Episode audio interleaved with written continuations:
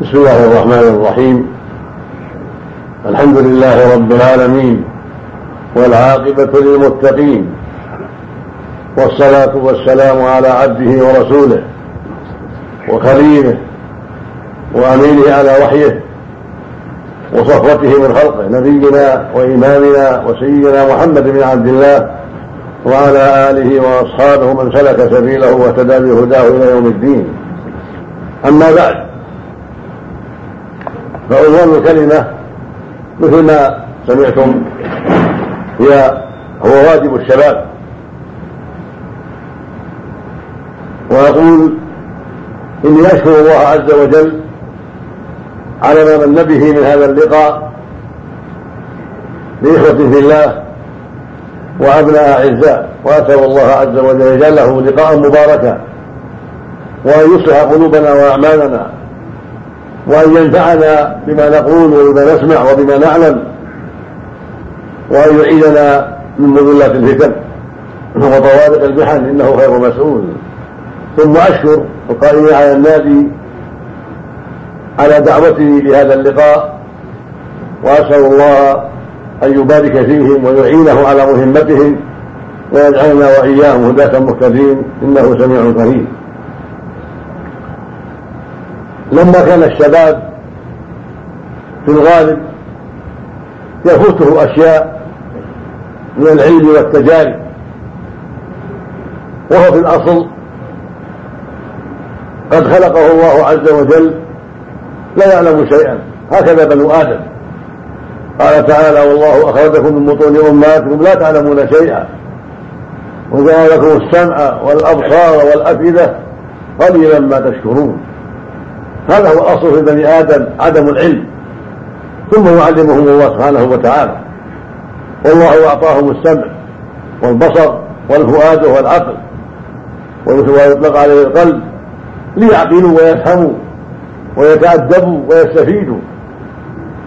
ولهذا قال قليلا ما تشكرون. والله خير من بطون ما وجعل لكم السمع والأبصار والأفئدة لعلكم تشكرون. فهذه مواد وأدوات يستعان بها على شكر الله عز وجل. فالسمع لما يسمع والبصر لما يرى والقلب هو الفؤاد ويطلق عليه العقل لما يلقيه إليه السمع والبصر. فهو يتعقل وينظر ويتفهم ما جاءه ووصل إليه من طريق السمع ومن طريق البصر. والعقل من صفات القلب وله صفة بالدماغ. قال جل وعلا أفلا يسيروا في الأرض فتكون لهم قلوب يعقلون بها أو آذان يسمعون بها. فإنها لا تعمى الأبصار ولكن تعمى القلوب التي في الصدور. فالقلوب هي الأفئدة وهي التي يعقل بها الأمور. فتدرس وتأمل ما يصل إليها من طريق السمع ومن طريق البصر. ثم تحكم على ذلك على حسب علمها وعلى حسب ما لديها من علوم وتجارب على ما وصل إليها من طريق السمع والبصر. والشباب أحوج الناس إلى التفقيه والتفهيم. وأحوج الناس إلى ان يوجهوا إلى ما فيه سعاده المجتمع ونجاة المجتمع وصلاحه. مع سعادتهم أنفسهم وصلاحهم أنفسهم. وإن كان الواجب على الشيب والشباب واحدة فإن الواجب على الشيب أيضا أن يتفقهوا وان يتعلموا وأن يقوموا بما أوجب الله وأن يدعوا ما حرم الله. ليس هذا خاصا بالشيب ولا بالشباب بل هو عام. ولكن ولكن الشيب في الأغلب والكهول قد تعلموا وجربوا وحصلت لهم ملكة ومعارف يستطيعون بواسطتها أن يقوموا بما يستطيعون من أسباب صلاح المجتمع ومن أسباب نجاتهم وسعادتهم في أنفسهم. ولهذا خص الشباب الكلام معهم في واجبهم حتى يتعاونوا مع الشيء في ما يصلح الأمة ويرفع مستواها ويدعم أسباب صلاحها ونجاتها في العاجل والآجل. ومتى وفق الشباب للتعاون مع الشيب وشد أسرهم والاستفادة من تجاربهم ومعارفهم فيما فيه صلاح النفوس وسلامتها وقيامها بأمر الله ومما فيه صلاح المجتمع كله في أمر الدين والدنيا تمت السعادة واستقامت الأحوال وصلح المجتمع. فالشباب هم أمل الأمة وهم عمادها بعد الله عز وجل في دعم المجتمع وتوجيه المجتمع. وتنشيطه على كل خير وشد أسر من مضى قبلهم من الآباء والأعمام ومن ساروا بالمجتمع إلى ما يفهمون ويعقلون. فقد يكون ذلك سيرا كاملا ومستقيما وقد يكون ناقصا وضعيفا بحسب ما لدى الجيل الأول. من علوم ومعارف وما لديهم من إيمان وقوة بصيرة إلى غير ذلك. فالشباب بتوفيق الله عليهم واجب عظيم في التعلم والتفقه والتبصر حتى يستطيعوا شد أجل من قبلهم والتعاون مع من قبلهم في ما فيه صلاح الجميع وسعادة الجميع دينا ودنيا ومن أهم الأمور في هذا السبيل أن يتفقهوا وأن يتبصروا وأن يعلم بالدراسة حتى تكون أعمالهم وأقوالهم وتصرفاتهم عن علم وبصيرة. فيوفقوا بذلك لما فيه صلاح الأمة ونجاتها ورفع مستواها والسير بها قدما إلى كل خير وإلى كل صلاح. ومتى ملي الشباب بالجهل والميل إلى الهوى والشهوات كان هذا من أعظم الأسباب في انحطاط المجتمع وفساده وسوء مستقبله. لأن الشيب يذهبون ويرحلون ويبقى هذا الشباب المنحل الضائع المائل إلى الشهوات وإلى ما يوافق هواه فيفسد المجتمع ويضيع ويسلط عليه الأعداء ونواب الشيطان. فواجب الشباب قبل كل شيء أن يتفقه في الدين وأن يتبصر وأن يعلم واجبه من جهة الله عز وجل فيما يتعلق بنفسه وفيما يتعلق بمجتمعه الذي يعيش فيه. حتى يكون عضوا عاملا صالحا نافعا ولبنة صالحة في المجتمع. تبني ولا تهدم وتصلح ولا تفسد. ويكون هذا التعلم وهذا التبصر شاملا لأمر الدين والدنيا. فهو مع المتعلمين لما يجب عليهم من أمر الله عز وجل ومع المتعلمين لما فيه صلاح المجتمع وقيام هذا المجتمع على أسس متينة في دينه ودنياه وفي خلقه وأعماله واقتصاده. وكثير من الناس لا يهتم بهذا الأمر. ولا تهمه إلا شهوته لا يهمه إلا شهوته وحظه العاجل. والمرح واللعب. ولا يهتم بمستقبل الأمة ولا بمستقبله نفسه. وهذا من نقص العقل ونقص التفكير وقلة العلم. فأهم واجب وأعظم واجب التفقه في الدين والتبصر. حتى يعبد الله وحده على بصيرة. وحتى يؤدي ما وجب الله عليه على بصيرة. وحتى يدع ما حضر الله على بصيرة. والله خلق الخلق ليعبدوه وما خلقت الجن والإنس إلا ليعبدون. وأرسل الرسل لهذا الأمر ليدل الناس على توحيده وطاعته وليامرهم بذلك. كما قال عز وجل ولقد بعثنا في كل أمة رسولا أن اعبدوا الله واجتنبوا الطاغوت. وما أرسلنا من قبلك من رسول إلا نوحي اليه انه لا إله إلا أنا فاعبدون. فالرسل عليهم الصلاة والسلام هم موجه الأمة ومرشدوها إلى أسباب النجاة في الدين والدنيا وهم الدعاة إلى كل خير. وهم المحذرون من كل شر والمنذرون من كل بلاء وعلى رأسهم إمامهم وخاتمهم وافضلهم نبينا وإمامنا وسيدنا محمد عليه الصلاة والسلام. فهو خاتم الأنبياء وأفضلهم.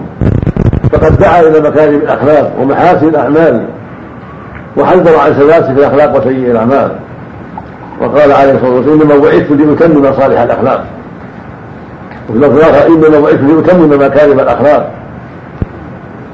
وصح عنه عليه السلام أنه قال ما بعث الله بالنبي إلا كان حقا أن يدل أمته على خير ما يعلمه لهم وينذرهم شر ما يعلمه لهم. خرجه مسلم الصحيح. فالواجب علينا جميعا شيبا وشبابا أن نتقي الله ونتلقح في ديننا ونتوصل فيما يجب علينا من حق الله وحق عباده. من طريق كتاب ربنا وسنة نبينا عليه الصلاة والسلام ومن طريق أهل العلم موجهين ومرشدين ومفسرين لكلام الله وكلام رسوله عليه الصلاة والسلام. في الصحيحين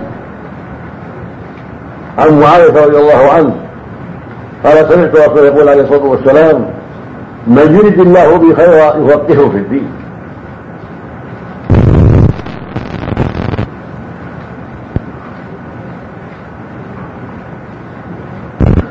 فهذا الحديث الصحيح يدلنا على أن من علامات الخير ومن دلائل السعادة أن يفقه العبد في دين الله ويتبصر في دين الله من رجل وامرأة من شاب وشيخ.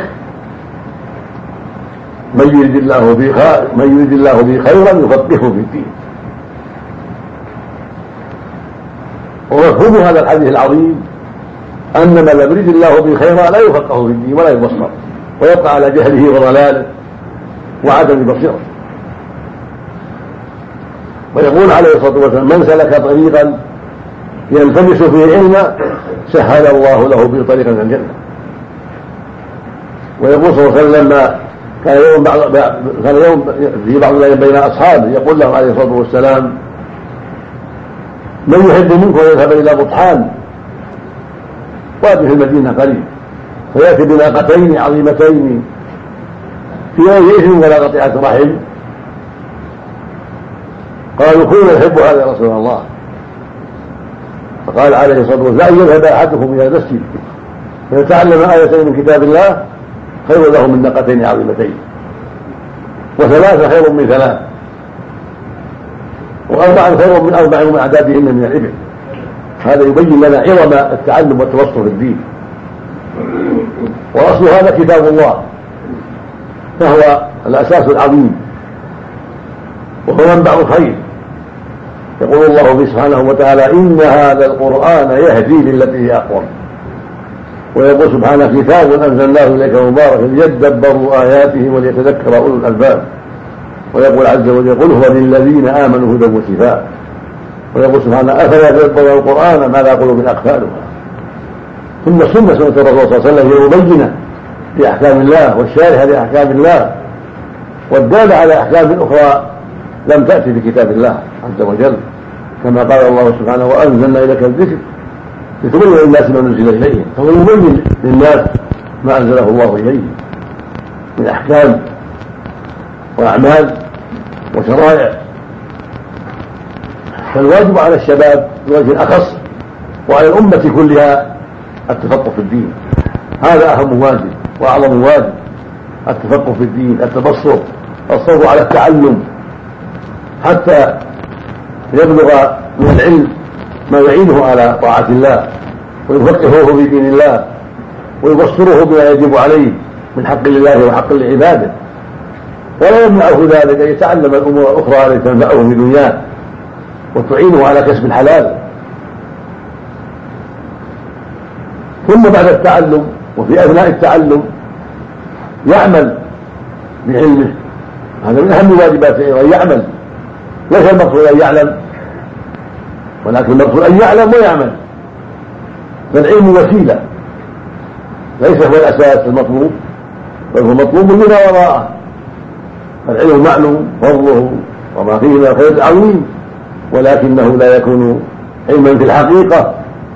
إلا إذا عمل به صاحبه وإلا صار وبالا عليه وشرا عليه وصار مشابها لليهود وغيرهم من علماء السوء.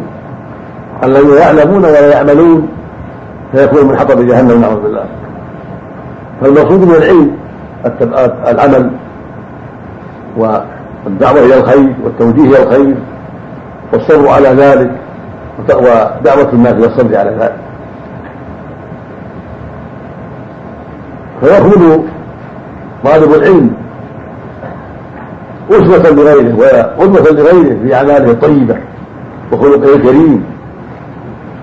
فهو يتعلم ويعمل ويوجه ويرشد حتى يبلغ المراد وينتهي إلى الدرجة التي بها يكون قائدا ويكون معلما ويكون مرشدا بعدما كان متعلما وبعدما كان طالبا.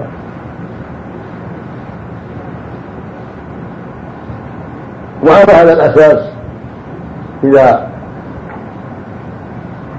نشط الشباب في هذا الأمر وتكاتفوا وتبصروا بهذا وعلى هذا الأساس تنجح الأمة ويرتفع مستواها ويتوجه بها شبابها قدما إلى كل خير وإلى المستوى الرفيع اللائق بأمثالها الذين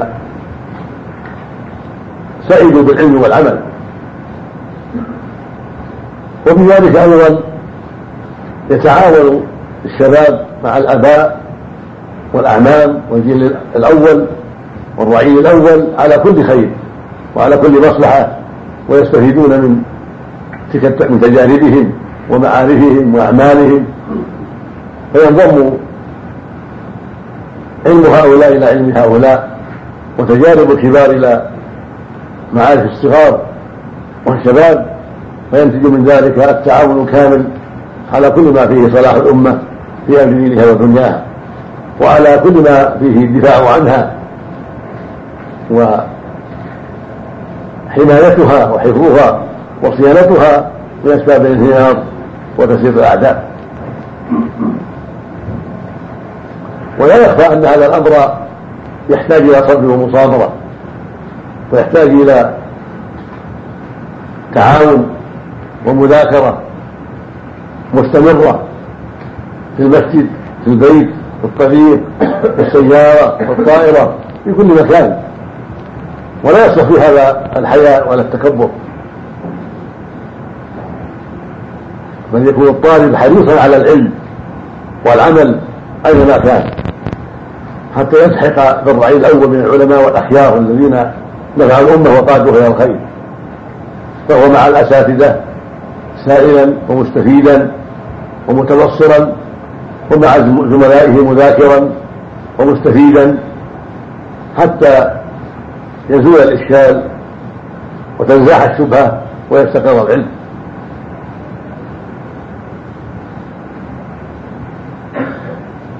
ومن أهم الأمور في هذا المجال بل هو أهم الأمور الإخلاص لله في طلبه.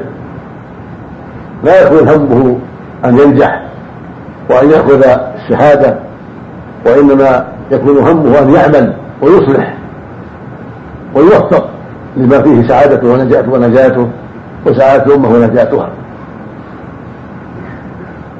فالإخلاص هو الأساس العظيم في كل إصلاح. ثم المتابعة للرسول صلى الله عليه وسلم والصدق في ذلك. فيكون الطالب حريصا على إخلاصه لله في العمل في طلبه وفي أعماله مع زملائه ومع آبائه وأعمامه وكبار جماعته وأمته. ومخلص لله. يريد ثوابه يريد مغفرته ورحمته يريد نجاح الأمة وسلامتها من كل سوء. عن حسن نية وعن صدق في ذلك وعن إخلاص في ذلك. ثم يتحرى ما هو الموافق للشريعة حتى لا يقع في البدعة والآراء الفاسدة. فهو مع المخلصين ومع المتبعين للسنة. هكذا يكون طالب العلم. وهكذا يكون طريق الإصلاح والنهضة في الأمة. إلى أسباب السعادة والخير.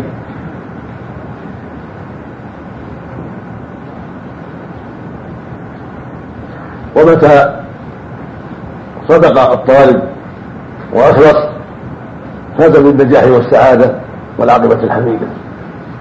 يقول الله سبحانه يا أيها الذين آمنوا اتقوا الله وكونوا مع الصالحين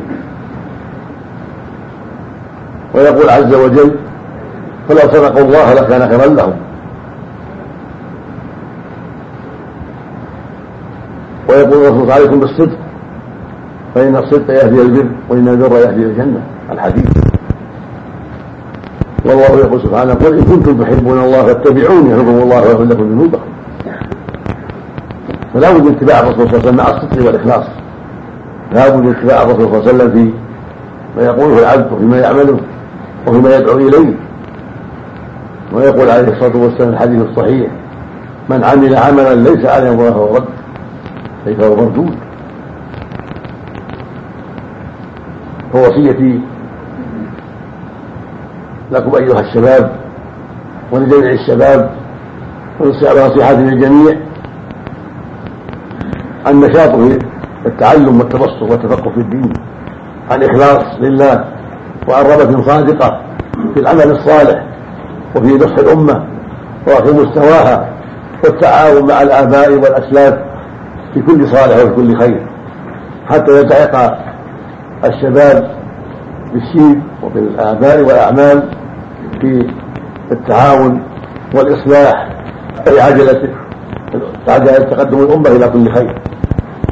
وحتى يزال من الأمة كل ما يخالف أمر الله من معصية وبدعة. وحتى تسير الأمة على صراط مستقيم وعلى منهج قويم. قد بدي على الإخلاص لله والمتابعة لرسول الله عليه الصلاة والسلام. ولا يتم هذا إلا بالله ثم بالصدق في التعلم والتفقه في الدين والتعاون على البر والتقوى والمذاكرة والصبر وقلة.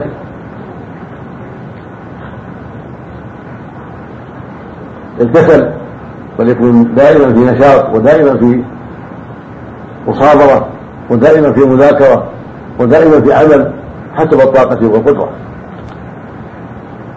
ولا يظن أنه بلغ مهما كان أنه بلغ المطلوب ويبقى المطلوب لا.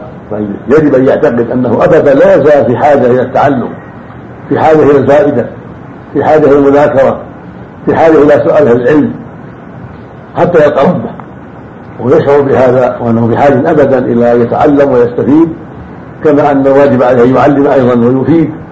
مما أعطاه الله ومما وفقه الله إليه.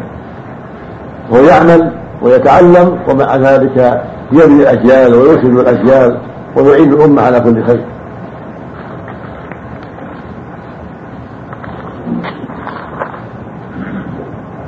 وأسأل الله عز وجل بأسمائه الحسنى وصفاته العلى أن يوفقنا وإياكم للعلم النافع والعمل الصالح وأن يمنحنا واياكم الفقه في الدين.